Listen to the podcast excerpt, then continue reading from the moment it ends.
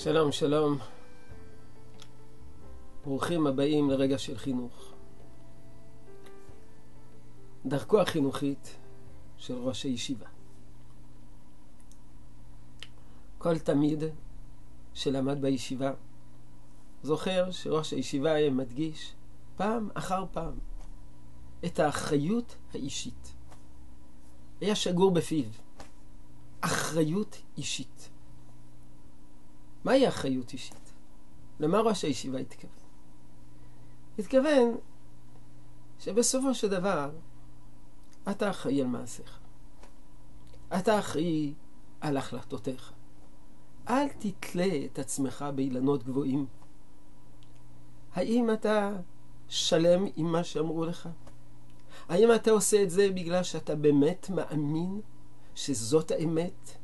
או מכיוון שאמרו, אומרים, בגלל זה אתה עושה? אתה חלק מן העדר? או אתה מתבטל בפני דמויות חשובות וגדולות, מבלי שאתה מרגיש שאתה שם? אחריות אישית. כל אדם ואדם נברא בצלם אלוקים. כל אדם ואדם חונן בשכל. כל אדם ואדם יכול להגיע למסקנה לבדו. כמובן, הוא יסתייע, יצ... יתייעץ, ישמע, ינסה להבין, יפנה לגדולים ממנו כדי לשמוע את דעתם. אבל בסופו של דבר, אתה אחראי. לא הם אחראים. ראש הישיבה פעמים רבות היה אומר, נשאלה שאלה בהלכה, היה אומר, זו דעתי, אבל אינני אומר, קבלו את דעתי. אתה רוצה לקבל את דעתי, זו אחריותך. זו אחריותך אישית בתורה. זו אחריותך אישית בעולם המעשה. זו אחריות, אחריותך אישית בכל הכרעה מוסרית.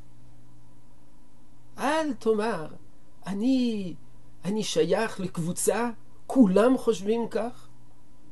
יש לכל אחד ואחד אחריות אישית על גורלו. בחירה אישית, בחירה חופשית.